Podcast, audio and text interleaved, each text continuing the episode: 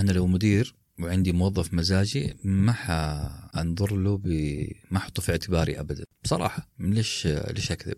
عشان كذا أنا قاعد أقول في المرحله هنا اسمح لي. أنا أنا أنا في جهة في جهة ثانية. إذا بعتمد على على المزاج ما راح أنتج أي شيء. يعني خلينا نعتبر إنه المزاجية مادة خام. هي جميلة لكنها تحتاج للنحت. يعني مو معقول أنا أقعد أحلل شخصية سقراط و...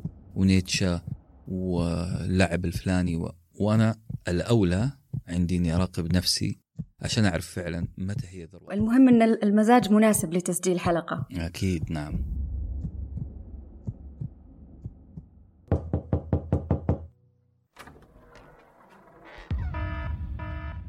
مرحبا أنا عهد وهذا بودكاست مخرج طوارئ. هذه الحلقة للناس اللي تصحى الصباح من النوم تتفقد مزاجها وتنطلق إيش ما كانت نتيجة هذا التفقد. هذه الحلقة للناس اللي تعرف إيش تبي لكن مزاجيتها قد تقف عائق بينها وبين إنتاجها وانطلاقها في أعمالها. هذه الحلقة للناس اللي تحاول بدون ما تشكك أو تعيد التساؤل عن دوافعها. هذه الحلقة للناس اللي تساءلت أجيب طاقة عشان أكمل منين؟ المزاجية للوهلة الأولى قد لا تبدو مشكلة. قد تبدو نوع من أنواع الدلال. سمة عامة يعتقد بعض الأشخاص أنها تضفي تميز على شخصياتهم حتى وإن اشتكوا تعبت من مزاجيتي. هذا غير ارتباطها بالفن والفنانين والخروج عن المألوف أو التفكير خارج الصندوق. أعتقد أن من السمات المهمة في كل شخص منجز أو منتج هي أن تكون عنده القدرة على أن يفصل بين مزاجه وعمله. لكن بغض النظر عن موضوع الإنتاج المزاجية قد تكون شيء طبيعي وقد تكون مشكلة. قد تكون عرض أو لسبب ما أو قد تكون مجرد موضوع يحتاج للضبط. إحنا مش هنا عشان نقول يلا بينا ناخذ وصفة الأعصاب الحديدية أو نكون آلات ما نتأثر في سبيل أن إنتاجنا يستمر. ولا إحنا هنا عشان نتأكد قبل ما ننطلق إن مشوارنا راح يكون سهل وما راح يتعب أعصابنا. إحنا ناس طموحة حالمة مستمرين بالمحاولة والتقدم. نؤمن بحقنا في التجربة ونلتزم بالطرف الذي يعنينا من المعادلة ونسلم في مرحلة ما إيمانا بالقوة التي ترعانا. لكن حتى تسهل لنا الحياة أكثر كان لابد من التعامل مع بعض المسائل. حلقة عنوانها المزاجية وضيفها أحد أكثر الأشخاص مزاجية كما يصف نفسه. ضيفنا منا وفينا صاحب الكلمات التي كلما ازدادت معانيها عمقا ووزنا ازدادت جمالا والصوت الذي يعد بمثابة صديق للكثيرين. الأستاذ أنس بن حسين مؤسس ورئيس مجلس إدارة شركة ساندوتش ورقي. ما أقدر أقول سعيدة بوجودك في مخرج طوارئ اليوم فقط لأن الحقيقة أني سعيدة لأنك كنت ولا زلت موجود في مخرج طوارئ بطريقة أو بأخرى من لما بدأ حتى الآن. يا مرحبا عهد وما أدري إيش ممكن أضيف أو أرد على الكلام الجميل هذا من لطفك ومن حسن ظنك وسعيد جدا أني اليوم متواجد معك خليني أتعلم شوية انضباط و... وترتيب من تقديمك للحلقة ومن المقدمة أصلا ما شاء الله اللي واضح أننا رايحين لحوار مليان شويتين. المهم أن المزاج مناسب لتسجيل حلقة. أكيد نعم. طيب أنت عارف ليش أنا اخترت أنك تكون ضيفي لما اخترت موضوع المزاجية والإنتاج؟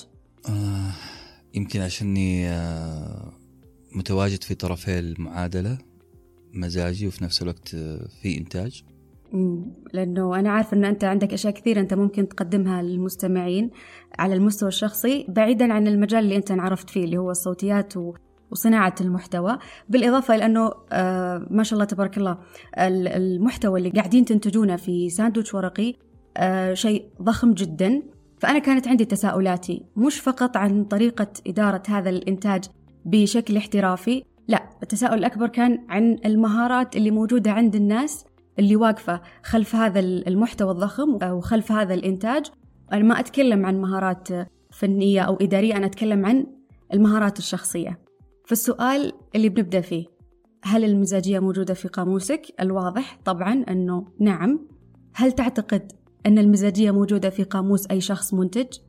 طيب أنا أنظر للموضوع ككل هذا بتبسيط شوية بعضهم يشوفه أنه تسطيح للقضية لكن لابد لما نجي ندخل في تفاصيل وعمق الأشياء أن نبدأ بالباب الكبير الباب الكبير عادة ما يعطيك أي آه يعني يعطيك صورة عامة عن البيت اللي داخلته أنت لكن الباب الكبير مدخل خلينا نقول مدخل لذا الموضوع أنا أنظر لهم إلى كأنهم قسمين الناس آه فنانين مزاجيين وبروفيشنال محترفين لا آه ضعفوا جزئية المزاجية. فالمزاجية موجودة في الناس بس في ناس سيطرت عليها وفي ناس متعايشة معاها وتحت سيطرة المزاجية. فهذا التصنيف المبدئي يقول نعم الجميع لكن في ناس قادرين على ضبط المزاجية بحسب آه، أهدافهم وأولوياتهم طيب إحنا إيش نقصد بالمزاجية أساسا؟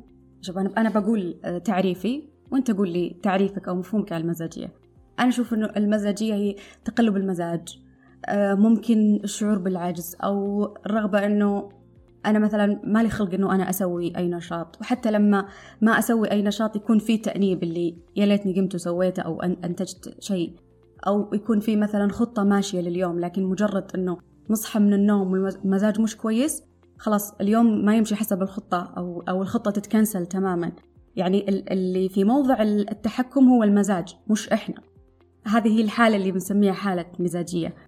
أنا أحترم ويعجبني جدا التعريفات اللي تقسم التعريفات الإجرائية يسموها اللي هي مقسم التعريف إلى عناصر. أنت جبتها على شكل عناصر وأنا موافق على معظم العناصر هذه وكلها مرتبطة بطريقة أو بأخرى. فمسألة أنه أنا صاحب مزاج متقلب كمثلا شخص مزاجي صاحب مزاج متقلب هذا المزاج أحيانا يكون سوداوي blue على قول الإنجليزي اللي هو مكتم وهذا المكتم المزاج المكتم ممكن يتسبب في إني ما أبغى انتج الآن أنا ماني في ال mood وهذه الجملة اللي دائما تقال. فنعم المزاجي هو شخص الريموت في يد آه، مزاجه أو يد مشاعره خلينا نقول آه، أكثر منها. وأعتقد نفس العيب هذا هو عيب طبعا إنه أنا شخص مزاجي ماشي مع مشاعري فقط. عيب وميزة في نفس الوقت ميزة إنه بيكتب إذا التهبت هذه المشاعر شوية تلقي إنتاجه غزير بيغطي كل النقص لكن ما في انضباط. ففعلا حياته ريموتها في يد آه، المشاعر أو المزاج خلينا نقول. بس أنت قاعد تشوف أنه هي لها جانب إيجابي مش دائما المزاجية سلبية. خاصة إذا ارتبطت بالفن وال يعني خلينا نقول فيها فيها شوية لمسة عاطفية في تعريفك أنت. غزارة في الإنتاج وسوء في التوزيع.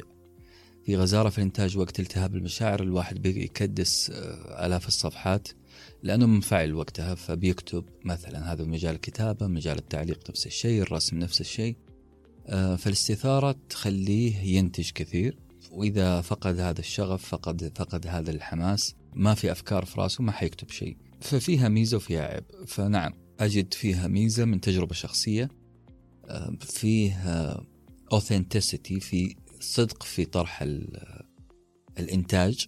أيا كان الإنتاج في صدق رهيب واضح والناس تلتمس هذا الصدق. لكن فيها عيب في عالم الآن يؤمن بالاستمرارية ممكن حنتكلم في الاستمرارية إذا جاء وقتها أنه المزاجي ما يقدر يستمر والاستمرارية عنصر مهم جدا في عالمنا اليوم. بس مش دائما ما يقدر يستمر. متقطع. يستمر في يعني يكدس جهده كله في ساعة و23 ساعة ضايعة. آه، عيب وميزة. يعني السوق مثلا السوق ما يطلب إنك تركز في ساعة وتنسى 23 دقيقة.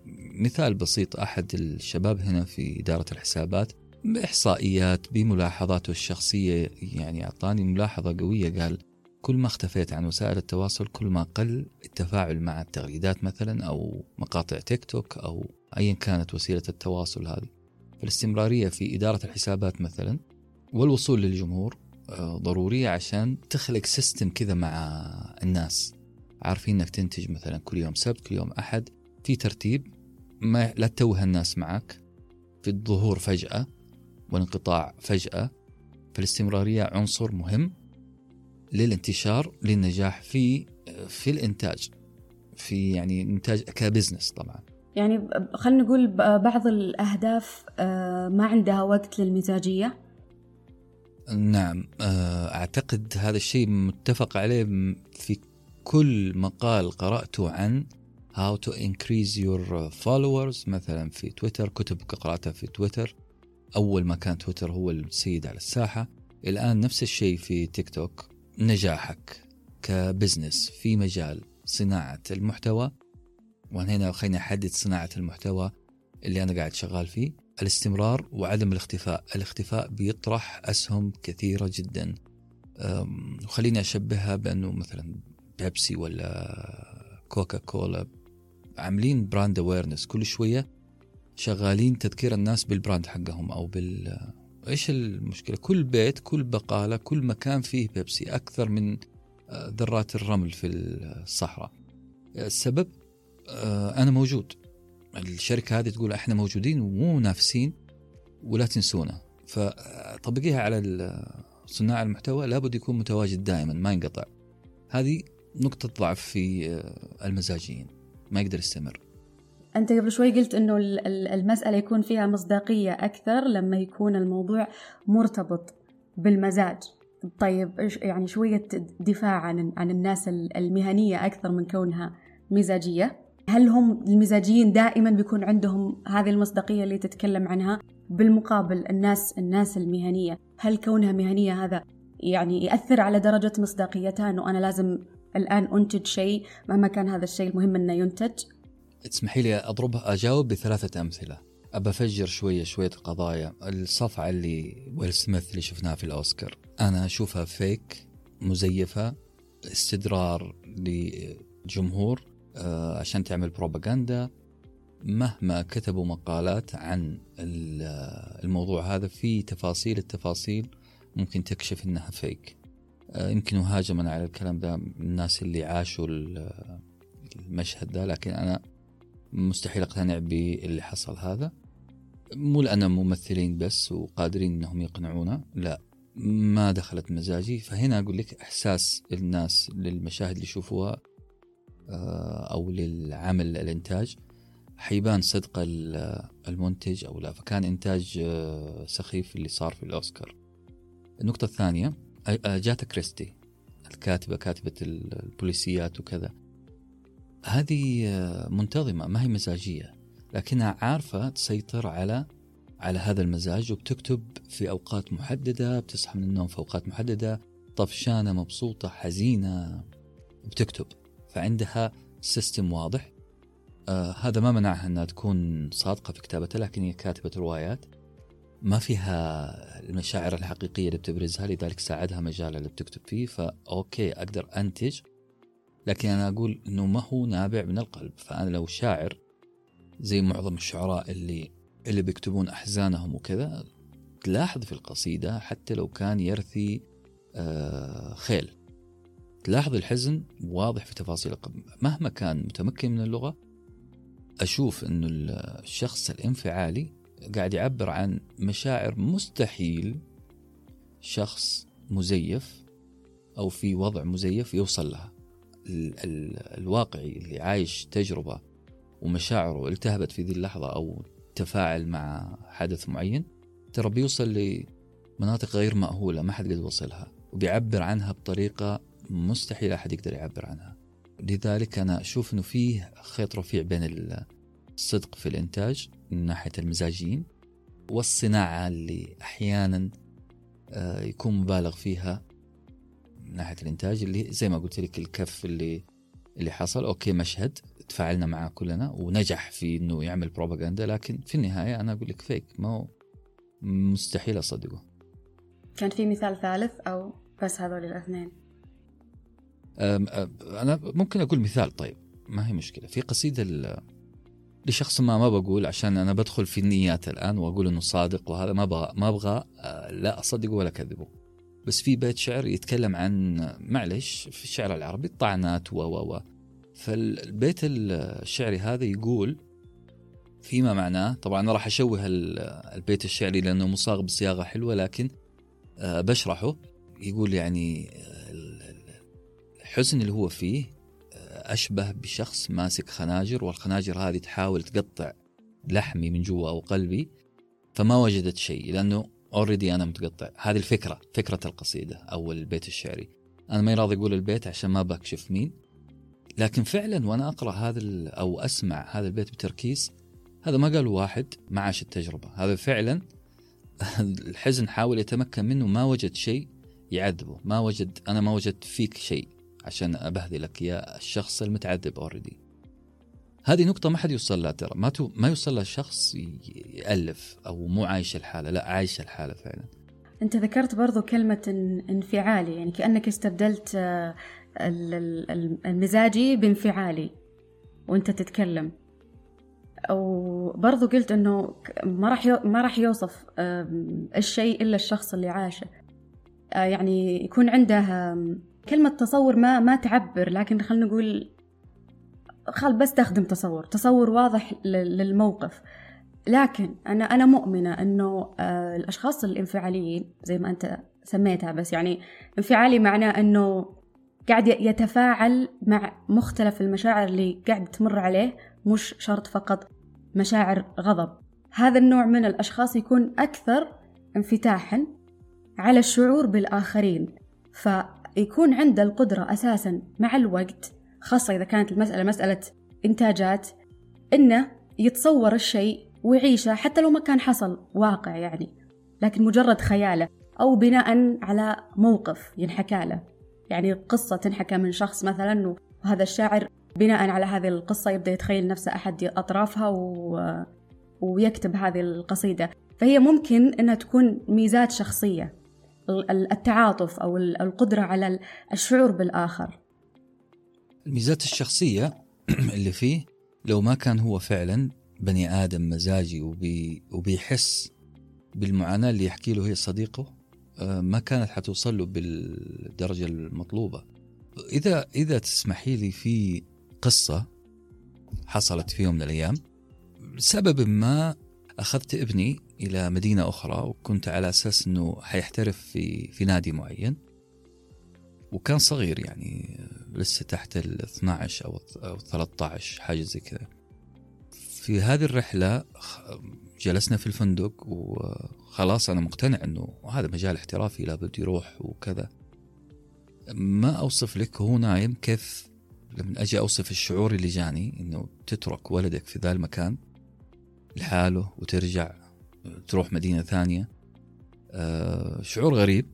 وصفته ما أدري حيعجب الناس ولا لا. وصفته كانه واحد فعلا قاعد ينتزع جذور قلبي من جذوره. فعلا هذا الإحساس. مين اللي حيتكلم عن جذور قلب؟ أنت متخيلة قاعد واحد يسحب القلب وفي الشرايين والاورده قاعد تتقطع؟ آه هذا الشعور فعلا آني ذاك الوقت. ما أعتقد شخص ما حيوصف المشهد هذا حيكتب حيكتب ذا الشعور بالضبط لأنه ما حسه لكن ممكن يسمعني أقوله ويصيغه هو بأسلوبه الجميل في قصيدة مين هذا الشاعر؟ هذا شاعر حساس أصلا واقتبس مني التجربة وصاغها على شكل كلمات لكن شاعر أو كاتب مثلا ما عنده آه، تفاعل مع قضية أب يترك ابنه وكذا ما أعتقد. حتلفت نظره أصلا القصة أو التشبيه اللي أنا قلته فهذه قص... قصدي أنا بالتفاعل وإنها خاصية في الكاتب أو في صانع المحتوى وهو أصلا أصلا حساس ومزاجي. آه برضو أنت في كلامك في البداية آه كنت تقول إنه آه بعض الأعمال أو خاصة عند عند المزاجيين تتطلب انه يحدث عند الشخص المزاجي استثارة أو شيء يستفزه علشان هو ينتج. لكن في عوامل مؤثرة كثيرة ثانية تأثر على إنتاج هذا إنتاج هذا الشخص. يعني خلينا نقول على مدى الأشياء اللي هو قاعد يتفاعل معها على حسب المواضيع اللي قاعدة تستفزه. يعني نفس ما قلت أنت ممكن ما يأثر فيه تأثر فيه عاطفة أب تجاه ابنه بس ممكن تأثر فيه أمور ثانية كثيرة. لكن في عوامل مؤثرة ثانية على موضوع اللي هو الإنتاج بغض النظر عن عن سالفة المزاجية.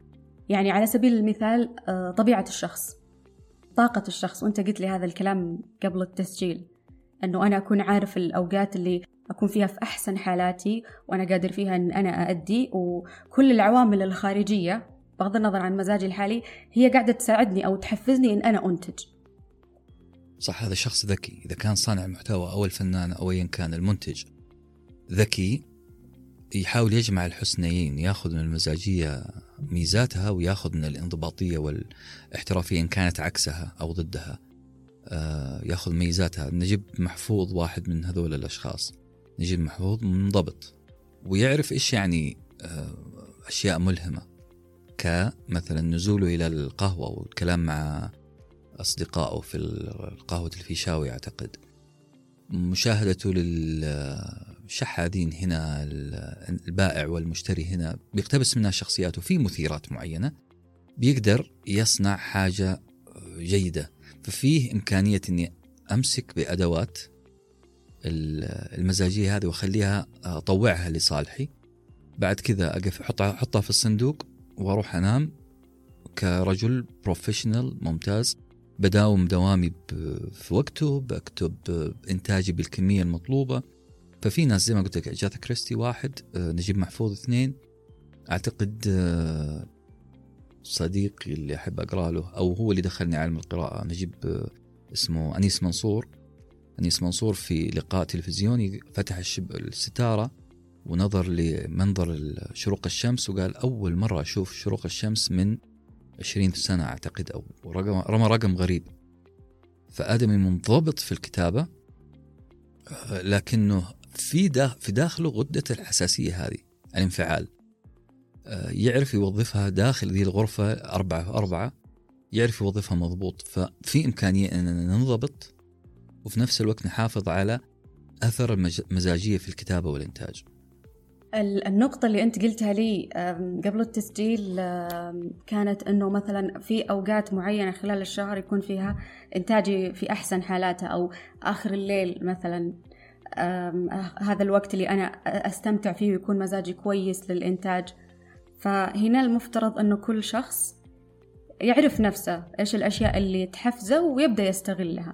أتمنى أنه المزاجين عندهم أوقات ذروة فعلا ويمكن تكون متقلبة ترى مش ثابتة لكن كويس الواحد يراقب نفسه أول بأول. في كتابين أتذكرها أو كتاب ومصطلح الكتاب اسمه The Time Trap أعتقد اللي هو مصيدة الوقت.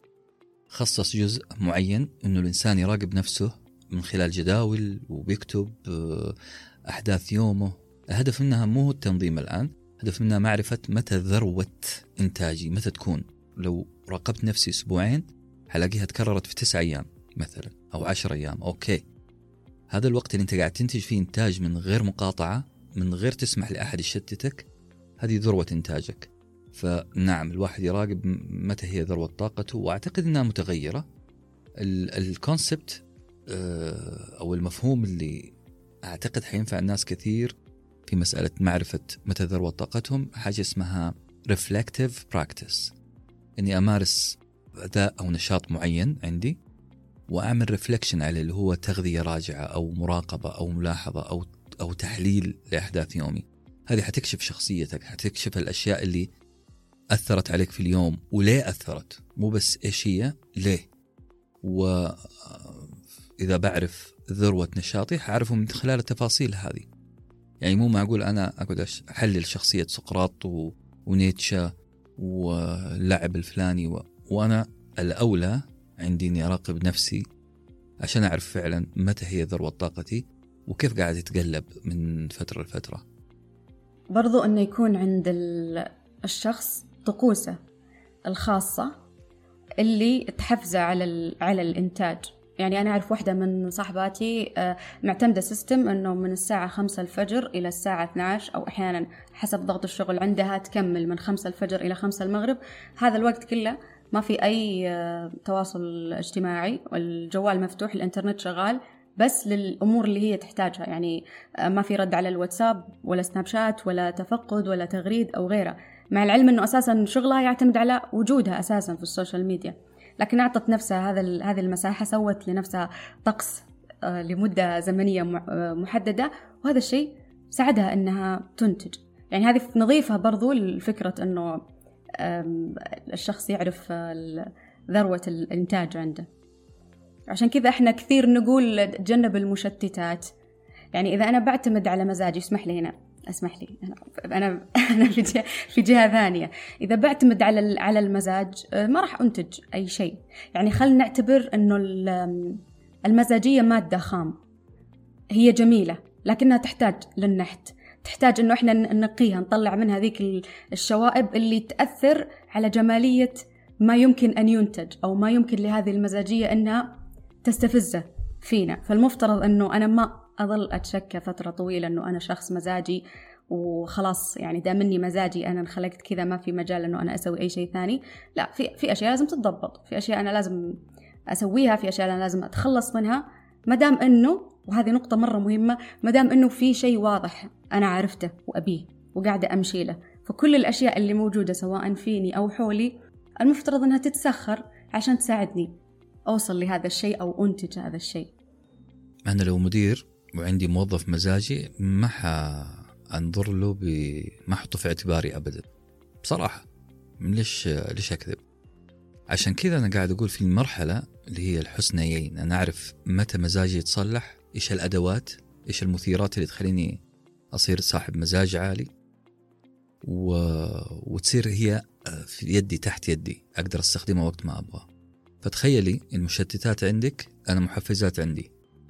أنا فعلا زي نجيب محفوظ أروح الكافي لازم خمسة أشخاص أرمي عليهم قضية معينة وأسمع. كل واحد فيهم قاعد يعطيني محور لنص أكتبه. ونافذة للموضوع بيت شعري يرمي قصة لجده أو أو أو.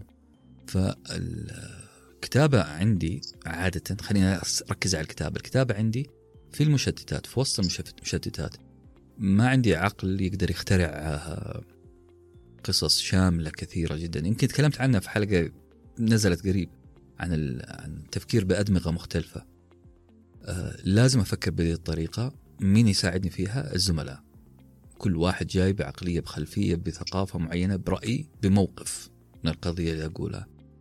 كل واحد فيهم فاتح لي نافذة العالم أقدر أكتب موضوع شامل قوي آه في نوع من الحيادية الموضوعية.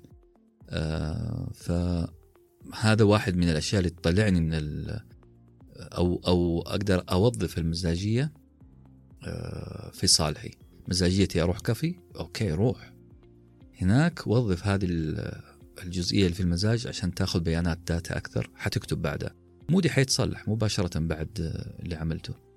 فكويس إني قدرت أسيطر على ذي النقطة. ومن فين عرفتها؟ من الممارسة ال reflective practice اللي هي ماني داري إيش نسميها الممارسة التأملية أعتقد اللي هو مراقبة نفسي على مدى أيام وأكتشف فيها فين نقاط قوتي فين مزاجي أتحكم فيها كيف أقدر أتحكم فيه؟ فهو إجابة أسئلة كيف وليه. من النقاط اللي آه، تعلمتها منك برضو اللي هي مسألة أنه الإلهام أو مصادر الإلهام لا حدود لها. يعني أنا مش مضطرة أنه أنا أعتزل العالم وأجلس في تأمل لساعات طويلة علشان أنتظر فكرة مناسبة ممكن أن أنا أخدم فيها العالم. على العكس نفس ما قلت أنت من خلال حواراتك من خلال كلامك يعني أبسط موقف أبسط حوار ممكن أنه يلهمنا بأشياء كثيرة. أي شخص أنا أعتبره مصدر إلهام بالنسبة لي. هو ممكن يخدمني بدون ما يستوعب. ولو كانت هذه الخدمة أنه هو قاعد يدلني على شيء أنا أنا ما أعرفه. يعني عقلية متسائلة أكثر خلينا نقول. ما ترفض ما ترفض أي شيء لا. تشوف في كل شيء مصدر إلهام. طبعا الإلهامات كثيرة للي بينتبه لها وبالإضافة للانتباه. أنت ذكرت مسألة الكتابة على اعتبار أنك كاتب محتوى. لكن إيش ما كانت إيش ما كان مجال عمل الشخص؟ التدوين مهم جدا. بما انه الأفكار زي ما قلت لك اللي, ممكن ان نستلهمها كثيرة. اللي بيساعدنا ان نحول هذه الأفكار إلى شيء مثمر هو مسألة ان ندون بشكل مستمر. فخلنا ندونها لما يتضبط المزاج بعدين نحولها إلى شيء جميل.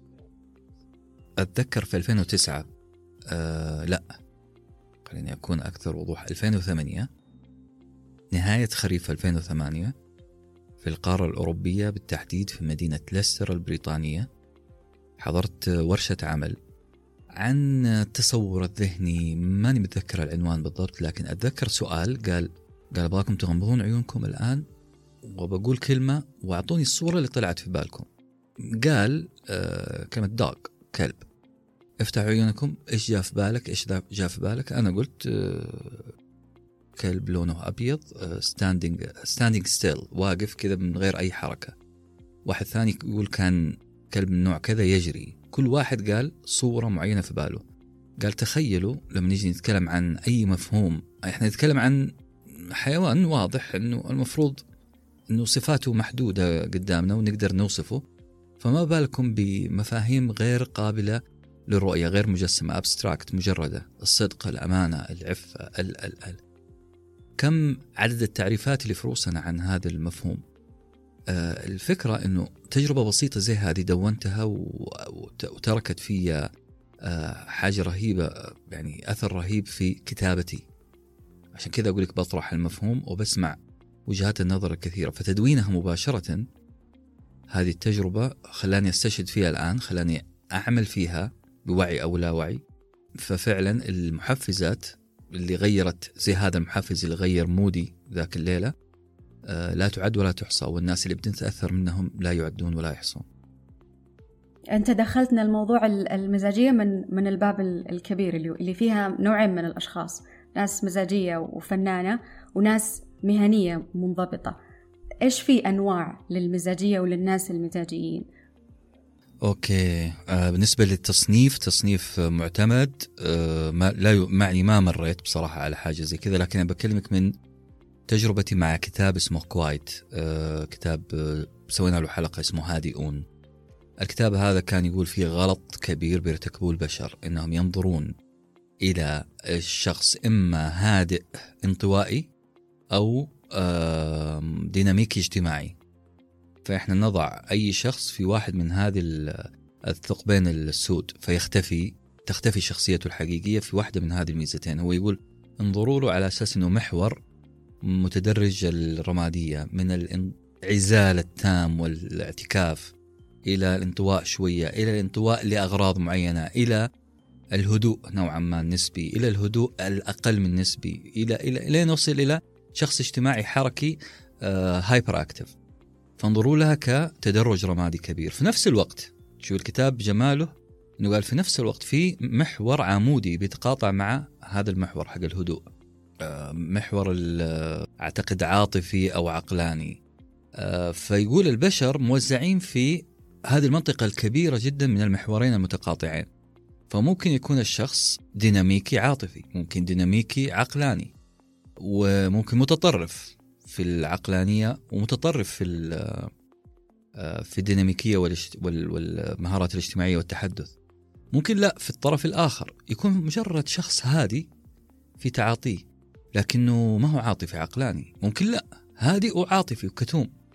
آه، فكانت تقول ما ينفع نصنف الناس introvert و extrovert نفس الشيء اللي بطبقه أنا على introvert طبعا اللي هو انطوائي و extrovert اللي هو اجتماعي متحدث منطلق. نفس الشيء بطبقه على المزاجية. في قمة المزاجية وفي أدنى مستويات المزاجية. لو يتقاطع معاها عاطفة وعقلاني. حنشوف أنه عندنا مساحات كبيرة تصنيف الناس وأنواع المزاجية. آه، فلو أحد يسمعني الآن مهتم بهذا الموضوع ممكن يسوي رسالة آه، رسالة في الدراسة أو كتاب أو أبحاث عن ذا الموضوع. ممكن إحنا نطلع بذا المشروع. آه، فرأيي الشخصي أنه عمود المزاجية يتقاطع زي ما قلنا أول مع التحكم. في المزاجية في مزاجي جدا في مزاجي بسيط يعني المزاج البسيط اللي هو الشخص اللي ممكن آه، آه، مشكلة كبيرة تأثر فيه فهذا هذا عنده سيطرة على المزاج. في لا شخص ممكن تسريحة شعر على قولهم bad hair bad hair day لو صحيت ولقيت شعري منعكش فيومي كله مخبوص. ما أدري آه، هذه هذه ظاهرة حقيقية ولا لا لكن حساس مرة في المزاجية. هذا يتقاطع مع عمود اللي هو عملي آه، غير عملي. فممكن المزاجية تكون في واحد من هذه الأربع المربعات اللي اللي موجودة. آه، ممكن يكون عملي مزاجي. مستهتر مزاجي. ممكن لا والله قليل المزاجية عملي. قليل المزاجية مستهتر. فممكن يكون الواحد في واحد من ذي فهذه هذه النظرية إذا أحد بيأخذ هذه النظرية مني أو هذه المحورين بس يعطيني خبر. عشان آه، اسمي يكون تحت الجدول اللي بيحطه في رسالة الماجستير أو الدكتوراه. الشخصية اللي شدت انتباهي من بينهم هو المستهتر قليل المزاجية يعني. لا انت اللي استمتعت ولا انت اللي مليانين. آه أنتجت. مليانين. هذا جالس على الرصيف 24 ساعة آه مستهتر بالطريق مستهتر بالحياة. في نفس الوقت مزاجه قاعد يتحكم فيه.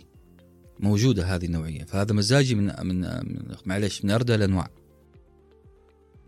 علاقة الاكتئاب أو المشاكل الصحية النفسية بالمزاجية عشان نكون واضحين يعني. لما نتكلم عن مزاجية أو نتكلم عن مشكلة صحية. أنه الاكتئاب أكيد أنه بيأثر على المزاج لكن المزاجية شيء مختلف. بقول رأيي طبعا وهذا رأي غير مختص. أي اضطراب في السلوك أو أي آه، مود سيء جدا يقع في الإنسان اضطراب نفسي أيا كان. أشوف أنه يعني من النظرة الأولى هو أقرب للشخص المزاجي المزاجي بيتأثر أكثر لكن بصراحة أخالف نفسي أحيانا. آه، وأقول المزاجي ممكن أنه يعبر عن نفسه أول بأول فحيخفف الستريس والضغط اللي يولد الانفجار. فممكن يكون أكثر صحية من الشخص الكابت اللي مسوي عملي في نفس الوقت. مو راضي يبين مشاعره أمام الناس فهذا الشخص مو مزاجي لكنه وعملي جدا لكن في عقد كبيرة جدا في تراكمات. فما أقدر أحكم آه، ممكن يسوي لها محورين برضو هذه. ممكن نصنف الناس على أساسها ونعمل دراسات ونجيب عينات من البشر ونشوف هذا الكتوم إيش صار فيه. عملي آه، غير مزاجي لكنه مضطرب آه، ممكن نجد هذا المضطرب موجود في في الضفة الثانية من المحور. مزاجي لكنه مضطرب فما أدري مدى ارتباطها. لكن أنا بقول رأيي من كذا السطحي ممكن المزاجي أكثر عرضة لل للتأثر. يعني ما عنده السيطرة على مزاجه ومشاعره ممكن يكون أكثر.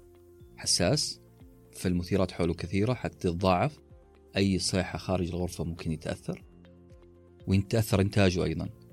فالرأي المب... كذا من بعيد شايف الغابة من بعيد أقول ممكن المزاجي أكثر عرضة للاضطرابات إحنا نقول إنه المزاج سيء بدون ما نستوعب إنه في في مشكلة. وفي عوامل كثير ممكن إنها تسبب هذه المشكلة النفسية. فحجة إن المزاج مش كويس آه، مش صحيحة. المفترض ان نلتفت للمشكلة. وناس كثير ما هو واضح لها أو ما قادرة تميز بين وجود مشكلة نفسية أو مسألة مزاج متلخبط. وإحنا عندنا حلقة في, في اليوم العالمي للصحة النفسية تكلمنا عن عن هذه المواضيع.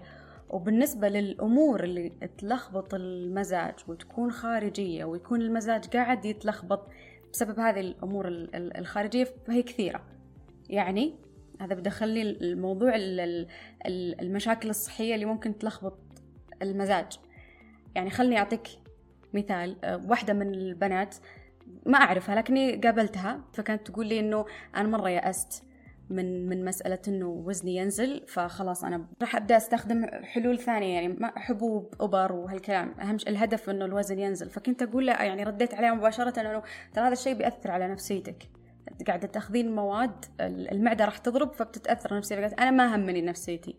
يعني طز في نفسيتي كذا بصريح عبارة. أنا أهم شيء عندي إنه إنه أنا أنحف. فهذا النوع من من العوامل الأشياء اللي إحنا قاعدين ناكلها أو الصحة الجسدية بشكل عام وما أعرف إيش اسباب أسباب كثيرة. يعني من ناحية جسدية قاعدة تلخبط المزاج. فما أجي أقول إنه أنا مزاجي مش كويس. لا أروح أعالج المشكلة أو أبدأ خلينا نقول أشتغل على الموضوع بطريقة ثانية إنه أنا اوريدي أدخل لجسمي الأشياء اللي تعطيني طاقة وتدعم صحتي النفسية وتخلي المزاج يكون كويس. أتفق معاكي مش 100% 110% الجميل في تويتر والناس اللي أتابعهم فيهم أطباء نفسيين كثير يحذرون من الاستسهال في إطلاق الفحص أو المسمى لحاله لحالتي أنا النفسية حالة فلان حالة علان. يقول هذا شيء علمي ودراسات و... والمفروض تحت شخص مختص هو اللي يصنف حالتك. إيش؟ هل هي فوبيا؟ هل هي آه، مجرد هلع آه، نوبة هلع؟ هل هي لا؟ ولا قلق. وصلت لدرجة اكتئاب درجات الاكتئاب. فالشخص ما يقدر يرمي فقط على المزاجية ويقول أنا آه، طز في في في حالتي النفسية أو ما حتأثر. هي مجرد مزاجية وشويه قلق لا لابد إنه نفحص فعلا جذور المشكلة آه، اللي مسببة اللي مسببة يعني القلق أو ايا كان تسميته. آه، فوجود شخص مختص هنا شرط أساسي. أنا أنا أدعو له دائما. عندنا نوعين من الأعمال. أعمال تتطلب مزاج كويس وأعمال تسويها لما يكون مزاجك مش كويس. وهذا يعتمد طبعا برضو يرجع لطبيعة الشخص. يعني مثلا أنا كرسامة أمامي لوحة. إذا أنا مزاجية فأنا أنتظر أن مزاجي يكون في أفضل حالاته علشان أطلع بلوحة جميلة. وبرضو ممكن وأنا مزاجية أشوف هذه اللوحة قدامي ومزاجي سيء فأستخدم هذه اللوحة كمتنفس. ف وبرضو في آه، زي ما قلت إنه النوع من الأعمال اللي أحسن لك إنك تحط حرتك فيها. إذا كان مزاجك مش كويس اللي هو نسميه الديرتي وورك ووقت اللي يكون المزاج كويس يلا هذا وقت اللي نروح فيه ننبسط و... ونشارك هذه الوناسة والبسطة مع أهلنا ومع الناس اللي اللي إحنا نحبها. فمسألة إنه المزاج مش كويس مش دائما إنها سلبية. إذا بناخذ موضوع إنه إذا المزاج مش كويس لا هذا محفز للإنتاج. ذكر قصة لأحد آه، أحد عاش في العصر الأموي. هو كاتب هو واعظ لكن ماني متأكد من اسمه لكن كان عنده حركة غريبة. إذا جاله يكتب يكتب بغزارة. إذا جاله ضيف حط حرة اقتطاع الوقت منه هذا في تبرية أقلامه. يعني الضيف جالس وهذا يبري أقلامه ويسولف معاه هذا dirty work إذا بمصطلحنا العصري. لكن خصصوه في وقت أنا أنا ضايع مني آه، ضايع مني الوقت هذا. نفس الشيء إحنا بنعمل هذه الأشياء. في dirty work لما يكون تركيزي في إنتاجي mood ي ما هو مضبوط عمل ال dirty work اللي هو عمل آلي أوتوماتيكي. عندي أنا مثلا المونتاج الصوت تنقية الصوت مثلا. ما يحتاج له تفكير كثير وهي مهمة واضحه ومحددة. ما يحتاج له والله لا إبداع ولا مش المونتاج كله أقصد تنقية الصوت. عمليات سهلة آلية. فمثلا أنا أخصص المونتاج لهذا الشيء. عندي هواية امارسها زمان. كنت شغوف بالملاكمة. ماني محترف ولا أعرف أسماء الضربات اعرف أعرف. فاشتريت الرجل ذاك اللي تحط حرتك فيه عارفه؟ كل أسبوع أحط صورة شخص أنا زعلان عليه على ال body هذا. وشغل اللي هو ال boxing bag الظاهر اسمه. وشغلت تلكيم. هذه هذا وقت تحركت فيه فحسيت إني مارست رياضة. في أربع هرمونات في الجسم تفرز كلها مصدر السعادة دوبامين ال...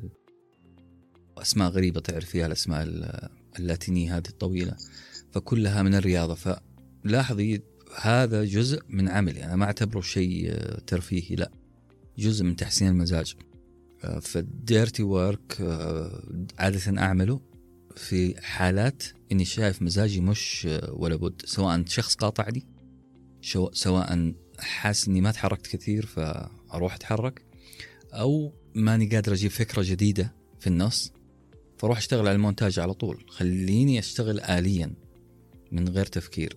هل هي طريقة صحيحة؟ ما أدري بس شغالة معايا. الوقت اللي الطاقة عندي منخفضة جدا أشتغل على الأشياء الأوتوماتيكية اللي ما تحتاج تفكير. أنا عندي صديقة مؤمنة بسالفة اللي إذا صار المزاج كويس مش كويس خليه يعدي هو مش كويس مش لازم تبذلين جهد علشان تحسنينه. وهذا ياخذني لموضوع التحجيم التحجيم لمسألة المزاج. طيب وإذا صار المزاج مش كويس طب عادي ما الحياة تمشي ما في في أشياء لازم لازم تنجز في أشياء ما تنتظر المزاج. حتى لو ما في أشياء لازم تنجز. يعني خلاص خلي خلي المزاج يعني يمر عليه اللي يمر عليه والحياة تمشي يعني. أهم شيء إنه ما يكون عائق. يعني مسألة المزاج تأخذ حجمها الحقيقي. عارفة المصيبة فين؟ المصيبة لو أنا ماني عارف إنه مزاجي سيء. لا حياتي سيئة. الناس اللي حولي سيئين. هنا هنا الكارثة لما أبدأ أرمي. وأحمل الآخر مسؤولية اللي أنا فيه. في النهاية أطلع أنا مزاجي سيء. فلو اكتشفت أوكي حلو أنا مزاجي سيء وحيعدي. هذا ممتاز تكنيك مرة ممتاز. اما لو لا كل اللي حولي ذول عهد هي السبب سبب مزاجي السيء. فعهد إيش؟ لا مسكينة. آه، انظلمت في ذي المعادلة. آه، عشان كذا أقول إنه الاكتشاف اكتشاف المزاج السيء ممتاز والمسارعة حتى لو عمل لا شيء meditation مجرد تفكير في اللا شيء لحظات السكون هذه. آه، فهذا اكشن أنا عملته برضو. رغم إني ما سويت لا فجرت لا ركمت لا أنا أنا هادئ في غرفة مظلمة و... وبوقف سيل الأفكار هذا ب meditation بتأمل. هذا أكشن أنا أخذته. أشغل مسرحية أضحك عليها أروح لصديق أجلس معاه ترى ما هو شيء مكلف. الشخص السعيد جاور السعيد تسعد. السعيد هذا حيخرجك من ال mood. لابد أنا أشوف إنه في أكشن كبر أو صغر في أكشن حناخذه. طيب إيش عكس المزاجية؟ في لها عكوس كثيرة. أو أضداد كثيرة. إذا عرفنا عرفنا مزاجية بأنها ردة فعل مباشرة تجاه مؤثر مثير فعكسها خلينا نقول التبلد السكون. إذا كانت آه، في أوقات معينة وهبوط في أوقات معينة نقول الترتيب والنظام والعملية. فحسب نظرتنا للمزاجية العناصر اللي حطيتيها أنت برشاقة في أول الحلقة كل واحد له ضد.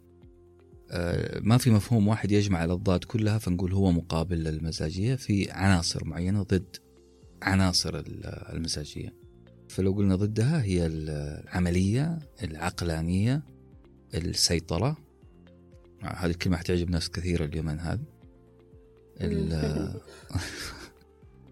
إيش كمان؟ الانتاجيه المستدامة الاستمرارية الانتظام.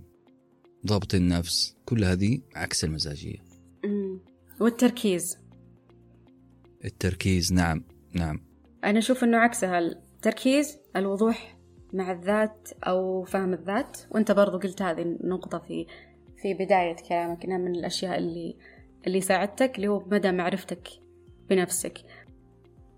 قد تكون مسألة المزاج حجة والحقيقة هي هروب من مواجهة العمل أو مخاوف تجاه موضوع الإنتاج خوف من أننا ما ننجح أو ما نقدر نسويه. فيحصل هنا تسويف. ففي علاقة بين المزاجية والتسويف. في علاقة ولكنها تكنيك من حق المزاجي إنه يعمل فيه لأنه اختار طريق حياته المزاجية. لن أعمل إلا لو تعدى المزاجي. يمكن عنده خطة لتحسين المزاج فأجل وسوف. خلينا نقول التسويف إذا كان تسويف من أجل هروب هذه مشكلة. هروب من المسؤولية هذه مشكلة. لكن التسويف والتأجيل لأن أنا عارف طبيعتي وعارف ذروة طاقتي متى وعارف أني راح أحسن مزاجي خلال يوم ساعة أسبوع وراح أنتج. فهذا تسويف يمكن يكون حميد. آه، مبني على معرفتي لطريقة عمل دماغي. آه، طبعا نقول إحنا في في ليفل أو مستويات أفضل لهذا الشخص إنه ينضبط إنه فعلا يكون متحكم في تحسين مزاجه يقدر يسيطر على التأجيل هذا أو التسويف. فإحنا دائما نتكلم عن الإنسان كمستويات كل ما اتجه للأعلى كل ما كان أفضل. لكن لو كان في درجة منخفضة شوية لكنه شغال بهذه الطريقة وراضي عنها بشكل أو بآخر فأوكي من حقه. ففي تسويفين تسويف مضر ممكن نقوله ثاني حميد.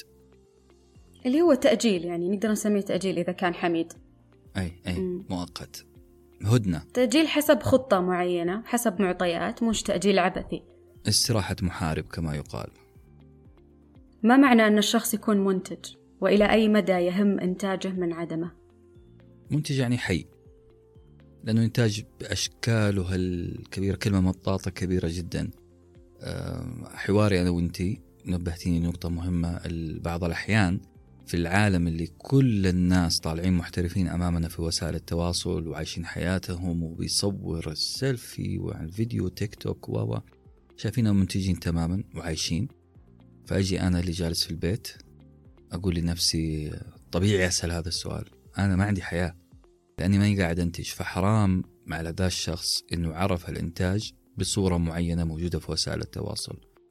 إن كانت مثلا خلينا نقول أم وأبنائها هذا مشروع عمرك مثلا أو أنا أب وهذا مشروع عمري الأبناء وقت اللي قاعد أصرفه أو أستثمره فيهم ومعاهم هذا إنتاج إنتاج عظيم.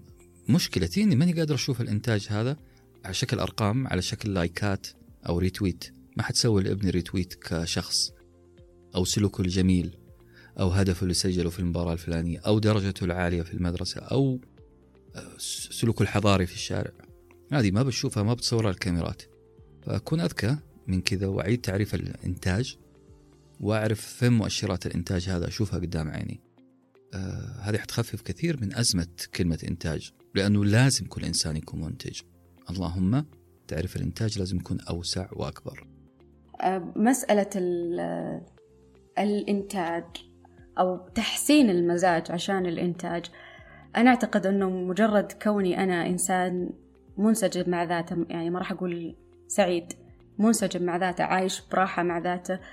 هذا الشيء ما مش ما يعنيني أنا فقط لا هو يعنيني ويعني الكون. سعادتي في ذاتي تعين الكون. على الأقل على الأقل لو ما كان عندي أي إنتاج إلا إلا مسألة انسجامي داخلي هذا أنا كذا قادرة أحتوي شخص مش كويس أو وضعه يعني مش كويس. ما أقصد إنه هو كشخص مش كويس. قاعدة أقدر أحتويه أقدر أحتوي الشعور الغير جيد اللي هو قاعد يحس فيه.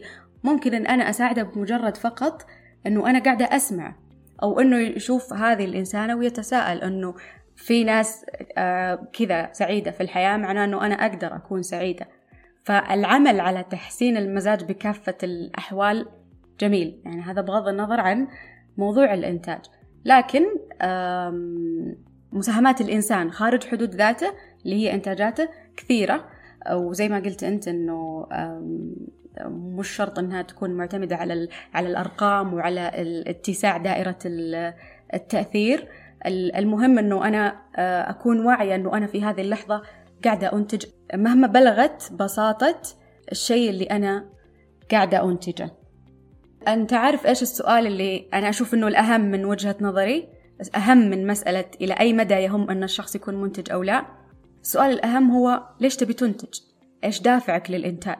يعني هم سؤالين يختصرون فكرة أن الشخص يكون منتج ومساهم. اللي هي سؤال إيش تبي تسوي وليش تبي تسويه؟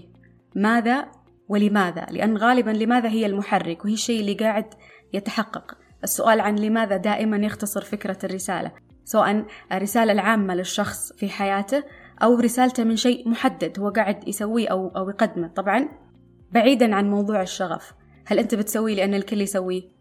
أو لأن أحد قال لك تسويه أو في إجابة محددة تعطيك أنت وحدك ما يعرفها أحد غيرك. حتى لو كانت الإجابة على سؤال لماذا ما هي كويسة أو منفعتها الذاتية أقوى من منفعتها العامة. لا تزال عندنا القدرة أنه إحنا نطعم هذه الإجابة نعدلها نبهرها حتى تكون بصورة فيها مساهمة. مش لي أنا فقط لا لي ولمن حولي وللمجتمع ككل. مسألة الإنتاج أعتقد أنها واحدة من الغايات أو النيدز بالنسبة للإنسان هو هرم ماسلو أو موسلو ما أتذكر آه، يعني قريتها ما سمعتها بصراحة. آه، الهرم الاحتياجات آه، الواحد يغذي غرائزه الرئيسية أو حاجاته الرئيسية الأكل الأمان في في أشياء رئيسية. مستحيل أكون جيعان بموت جوع وودي أمرر اقتباس لشخص حزين. مستحيل أفكر في الشخص الحزين وأنا جيعان ميت جوع. فإذا غذيت الحاجات الرئيسية حنتقل لل recognition الاعتراف. الناس تعترف فيني. عن طريق إيه؟ عن طريق إنتاج. ايا كان شكل الإنتاج. أه، وغير كذا إنه في شيء أعيش لأجله. إنتاجي هذا. إن كان شخص إن كان ابن إن كان أه، قصائد أكتبها. أنت لسه بتقولي مخرج طوارئ أعتبره ابني. فالانتاج هذا يعني لي شيء جزء من هويتي وال... و... و... وحياتي. لذلك هو شيء مهم. عشان الإنسان يكون آه، إيش؟ يعيش لغاية غايات دنيوية طبعا ويستمر يعمل وفي الحافز شغال 24 ساعة معاه. فالإنتاج مهم لنا كلنا. لو ما بالغ في كتابة بالحبر السري في جباهنا كلنا مكتوب عليها أنا منتج. كل واحد في جبينه عبارة أبغى أوريها الناس. فهو هو حاجة حقيقية وضرورية. أما بالنسبة للي حاصل مثلا آه، اليومين هذه من مسألة كله يقلد كله. هذه حالة ثانية طبعا. حالة واحد ما عنده حياة بمجرد إنه أقلد. آه، ممكن واحد يقلد لا والله ابى أوصل نموذج أفضل من الشخص اللي قلدته. فالحوار حولها يطول لكن في النهاية نتفق إنه الإنتاج بكل أشكاله ايا كان جزء جزء مهم من هوية الإنسان وسبب من أسباب حياته يعني بسعادة. تتذكر المقياس اللي حطيته لما بديت في ساندويتش ورقي؟ أنت قلتها لي قلت لي أنا كان هدفي خلال خمس سنوات 500 شخص فقط والآن ستة أو سبع سنوات يعني ما شاء الله الأرقام قاعدة تتكلم أمام الجميع اللهم بارك. على أي أساس أنت حطيت ذاك المقياس؟ يعني تقدر تتواصل مع أنس في ذيك الفترة إيش كان هدفه لما حدد هذا الرقم؟ إيش كانت معاييرك اللي على أساسها تتحدد حددت هالمقياس حضرت دورة زمان عند دكتور أعتقد معتز سنبل في فندق رمادة في الطائف. اللي حصل آه، إنه طرح لنا نظرية أو فرضية قاعد يطرحها. كيف توازن ما بين طموحك العالي وما بين القلق والتعب والزعل والحزن؟ اللي طموحه عالي آه، ما ينام الليل. وأنا ما أبغى أوص... ما أبغى يكون الطموح سبب في تعاستي وأرقي و فالرجل قال ارفع سقف طموحك. أعلى شيء ممكن يعني لو تبغى ثروة. ارفع الثروة اللي تبغاها لأعلى رقم ما يمكن تحققه. ما يمكن تحققه. 100 مليار. أوكي؟ أنا أبغى ثروتي 100 مليار. حط خطة أنك تحصل على 100 مليار بعد 10 سنوات. اخفض رضاك بعد 10 سنوات مستوى رضاك لمرحلة 100% حتحققها. نقول مثلا يكون في رصيدي في البنك خمسين ألف. هذا مستوى رضايا إذا عندنا نقطتين. نقطة الطموح العالي جدا اللي أعمل عليه خطة ونقطة مرجعية بعد عشر سنوات. إذا رجعت لها أكون راضي عن نفسي. أنا عندي في البنك خمسين ألف. مبسوط. على ذا المبدأ عملت الخلطة هذه. أتمنى أنها ناجحة. أنا شايف أنه okay مبسوط. الحمد لله. حققنا حاجة طيبة يا رب لك الحمد وفي نفس الوقت راضي. يمكن سقف طموحي كان إيش؟ على مستوى عالمي والخطة لا زالت على ذا المنوال. لكن مستوى الرضا كان زي ما تفضلت أنت عدد متابعين 500 متابعين loyal مخلصين أو مستمعين أو إني قاعد أوصل رسالة. ففي مؤشرات معينة تخلي لي مستوى الرضا عند level معين. آه، حققت هذا المستوى. وكل ما التفت وراء ألقى والله عديت ذا مستوى الرضا بكثير فأرضى عن نفسي. المهم إنه في خطة وصول لل للطموح العالي لا زلنا نشتغل فيها. وأنت اختصرت فكرتك هذه أو خلني أقول هذا المنهج في تغريدة. أعترف إني قرأت التغريدة أكثر من مرة علشان أفهمها. يعني كانت كنت قاعد تختصر الفكرة في عدد محدد من من الأحرف اللي هي إذا رفعت سقف طموحك وعملت بجد لاختراق هذا السقف ووضعت أثناء الصعود معايير رضا منخفضة فالنتيجة أنك ستعمل بكل طاقتك وسترضى بأبسط نتائجك وستتربع على سقف الطموح أو على الأقل ستقترب منه. فإحنا عندنا الآن آه، سقف للطموح وعندنا مستوى رضا وعندنا سقف توقعات. فالموضوع يعتمد على ضبط بين هذول الثلاثة أن الطموح يكون عالي مستوى الرضا يكون قريب خلينا نقول التوقعات يكون لا توقعات. مستوى الرضا يكون منخفض مرة. مرة. عشان غصب أنا راح أحققه وحكون راضي عن نفسي. في نفس الوقت الدافع اللي يخليني أعمل على الخطة سقف الطموح العالي. فحشتغل بكل طاقتي عشان أحقق المية مليار. متى أكون راضي؟ إذا جبت خمسين ألف في الحساب. لكن أنا قاعد أوص أصل ترى ممكن أصل مليار. ممكن. لأنه خطتي هدفها وصول ل 100 مليار. أه تخيلي سقف طموحي هو مستوى رضايا 100 مليار حقعد تعيس طول حياتي. آه، وممكن تحبط الخطة اللي عندي ممكن أقول لا جدوى من كل اللي قاعد أسويه. آه، فالفكرة المستوى الرضا عشان أنا بيني وبين نفسي أكون آه، أشوف إنه في نقطة انتصار حققتها وأنا راضي عنها. اما أما عملي فعلا الخطة اللي شغال عليها المجهود اللي قاعد أعطيه عشان ال مليار فعلا. وحقق مليار مثلا منها. وسقف التوقعات. أنا مع مبدأ اللا توقع. سقف التوقعات أم أنا تزعجني. أنا في ناس لا بيعملون على التوقعات هذه بس أنا يزعجني مرة التوقعات لأنه مو دائما النتائج تصل بنفس الشكل اللي أنا توقعته. لو جيت أسوي تمارين بطن sit up وكذا وأبغى 6 pack لو طلعت لي 4 pack بس طب ممتاز 4 pack لا أنا عندي تصور أول 6 pack طبعا ما في أحد بيصير مع الشيء ذا بس إحنا بنضرب مثال خيالي شوية. آه، فمهما وصلت نتائج كويسة أنا ما حشوف النعمه اللي أنا فيها والإنجازات اللي سويتها إذا كانت توقعاتي محددة بتفاصيل وأرقام جدا دقيقة. في ناس أعرفهم بيشتغل بهذه الطريقة بطريقة أرقام لازم أحققها. ناجح كل المقاييس بس لا يخفي هذا الشيء أني أشوف تعبه على التعب على وجهه الإرهاق القلق. متعايش مع مسألة القلق مبسوط. الله يوفقه. آه بالعكس أنا سعيد له إنه مبسوط في ذا المود ما حقدر أغيره. لكن أنا أتكلم عن نفسي أنا ما أقدر أعيش تحت الضغط هذا خاصة في مجال إبداعي. إذا تكلمنا عن مجال إبداعي يحتاج روقان شوية. طيب النوع أم الكم؟ فيما يتعلق بالمقياس. المزاجي لو منفلت السيطرة وال control عنده إنتاجه ما حيكون مستمر ويمكن يكون أقل. المنضبط لا في إنتاج واضح وصريح وهذا ال business اللي يبغاه. ال business الآن لازم الاستمرارية لازم الانضباط. لازم الناس تعرف إنك والله مستحيل تكون out of stock خارج من ما عندك أي بضاعة من البضائع فأنا خلينا نقول إذا بنفكر فيها ننظر لها من عدسة ال business الكم والكيف لازم يكونون مرتبين وفيها فيها توسع فيها زيادة كمان. المزاجي ما يقدر يحقق ذا الشيء. ناحية نفسية نوعية أنا أقول لك المزاجي أفضل في الإنتاج. يعني أقدر أقول إنه إدارة إنتاج ذاتية تعني إن الشخص يكون عارف إيش يبي وليش يبيه وعنده مقاييس المقاييس الخاصة للنجاح أو للرضا وعنده خطة عمل واضحة مرنة. فبنسبة كم لازم يكون الشخص مرن؟ علشان يتجاوز ضغوط حياته ولخبطة مزاجه. أو خلني أقول بالإضافة إلى المرونة. إيش المهارات اللي تساعدنا في التعامل مع التحديات في طريقنا وإدارة الضغوط بمختلف أنواعها؟ دائما في كثير من البودكاستات وكثير من التغريدات بكتب كلمة خليك عنيد. آه وللأسف كلمة عنيد ما كنت أوضحها. عنيد في أهدافك آه مرن في وسائلك وسائل اللي توصلك للأهداف هذه.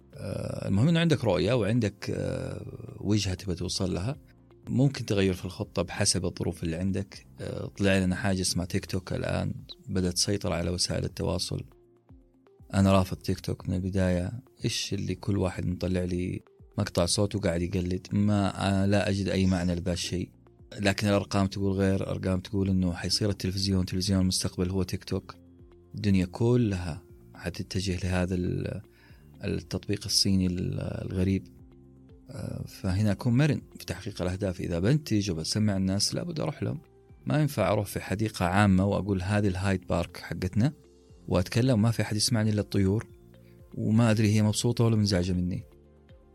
فلا بد إني الوسيلة تكون ما أكون مرن فيها باختيارها.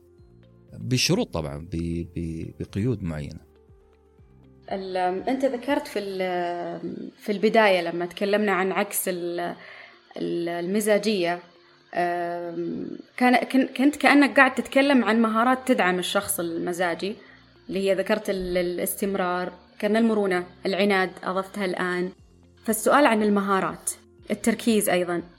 اعرف نفسك يا مزاجي بال reflective practice اللي هو دراسة ذاتك أعرف طاقتك فين بتزيد وتنقص. إيش المشتتات والإحباطات؟ ممكن شخص ما أنت ما أنت عارفه قاعد يتحلطم ليل نهار تقابله كل يوم يحبطك معنويا. انتبه وين اللي قاعد يخرب لك مزاجك. حاول تمتلك أدوات تمكين السيطرة على الانجراف للمزاج السيء. هذه هذه هذه أدوات مهمة جدا. المرونة زي ما قلنا والعناد في الأهداف المرونة في الوسائل. خليك راضي عن نفسك حتى لو كنت مزاجي. يعني ربي خلقك كذا مو كلنا قالب صخري أو صخرة لا تتأثر لا. آه المهم إنه تكتشفها تكتشف الحالة دي وتخفف دائما اشبهها بال accent باللهجات اللكنات في اللغات. كنا أملنا ان يصير حرف الراء عندنا زي الأمريكان عشان أصير native speaker قريب native like مثلا أكون قريب من المتحدثين أهل اللغة. في النهاية وأنا أقرأ المقالات اللي تتكلم عن ال accent الإنجليزي يقول لك مو لازم تصير native خفف بس من نطقك الثقيل لها عشان التواصل يكون أفضل. يعني لا تقول الراء حقتنا العربية آه، مثلا في وسط كلام إنجليزي حاول تخففها. آه، نفس الشيء وهذا طبعا هذا هذه نصيحة أنا أشوفها صح لسبب. لما يتكلم ال Indian Indian people Pakistani people يتكلمون إنجليزي في عندهم حروف بتصعب ال communication الاتصال مع الآخر. فالنصيحه اللي دائما المدرسين ينصحوهم إياها خفف ال heavy heavy accent عندك. نفس الشيء مع المزاجية خفف شوية من المزاجية عشان آه، تواصلك مع حياتك مع أهدافك يكون أكثر آه، قوة. آه، فمو شيء خطير ترى إذا كان كنت مزاجي. معقول مزاجي معقول مو مو شيء غلط لأنه الله خلق وفرق لكن في نفس الوقت إن كنت شايفها مشكلة حاول تعدلها شوية وركز على نقاط قوتك في النهاية.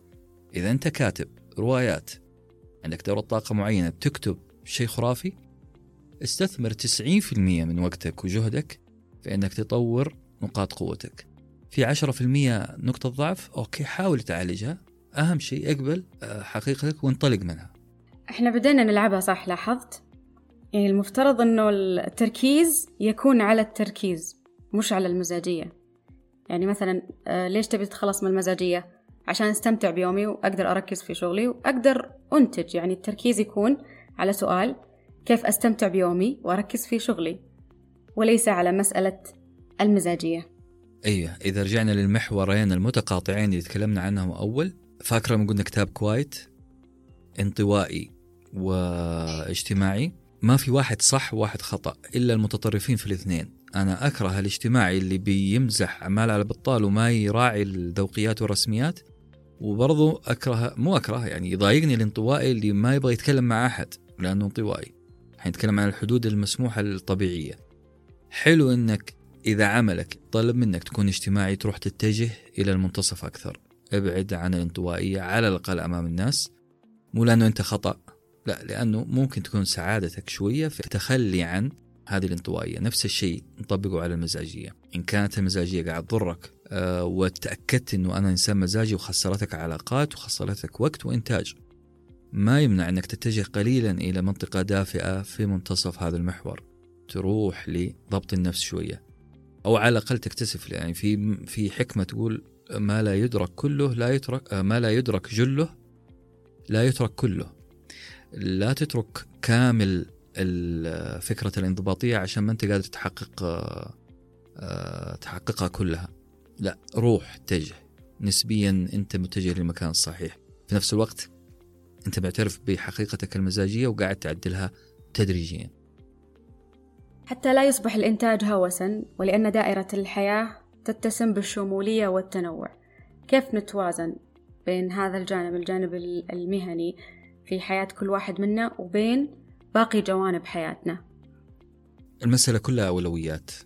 لو عرف الواحد ما هي أولوياته حيعرف يرتب كل ليلته. إذا عرفت أن أولوياتي البيت العمل الإنتاج اسمي آه، شركتي أو الشركة اللي أعمل فيها وحطيت لكل أولوية درجة معينة حقدر أقسم وقتي فيها حقدر أحط آه، ثقلي هنا شوية وهنا شوية وهنا شوية. فمسألة الأولويات مهمة. أهدافي أنا أهدافي كشخص مهم أعرفها عشان أقدر أعمل التوازن هذا. ولازم أعرف نفسي كمان. نرجع مرة ثانية لأنا ليش دائما نركز في حلقاتنا وأنت ركزتي كثير في حلقاتك على اعرف نفسك؟ لأنه من جد منطلق قوي. أنا أعرف نقاط قوتي فين. فأركز عليها أحط 90% فيها. نقاط ضعفي فين 10% أوكي راح أتصالح معاها شوية وأحاول أعدلها نسبيا. فهذه هي المعادلة. الأولويات مهمة. من ضمن الأولويات أنك تعرف نفسك في الأول. شكرا أستاذ أنس. استمتعت كثير بالحوار معك. في قاموس الحالمين وما دام القاموس هو قاموسك والحياة هي حياتك لن يعيشها أحد بدلا منك. تذكر أن لديك الحرية والقدرة. لخلق المعاني والتعاريف المتوافقة مع الرؤى الحالمة المتدفقة بالأمل داخلك. أرجو أن تكون هذه الحلقة قد حققت رسالتها وأجابت على ما في ذهن المستمع من أسئلة. في حفظ الله.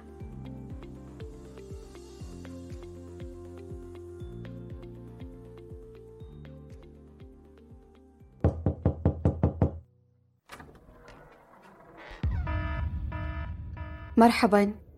أنا عهد. وهذا بودكاست مخرج طوارئ.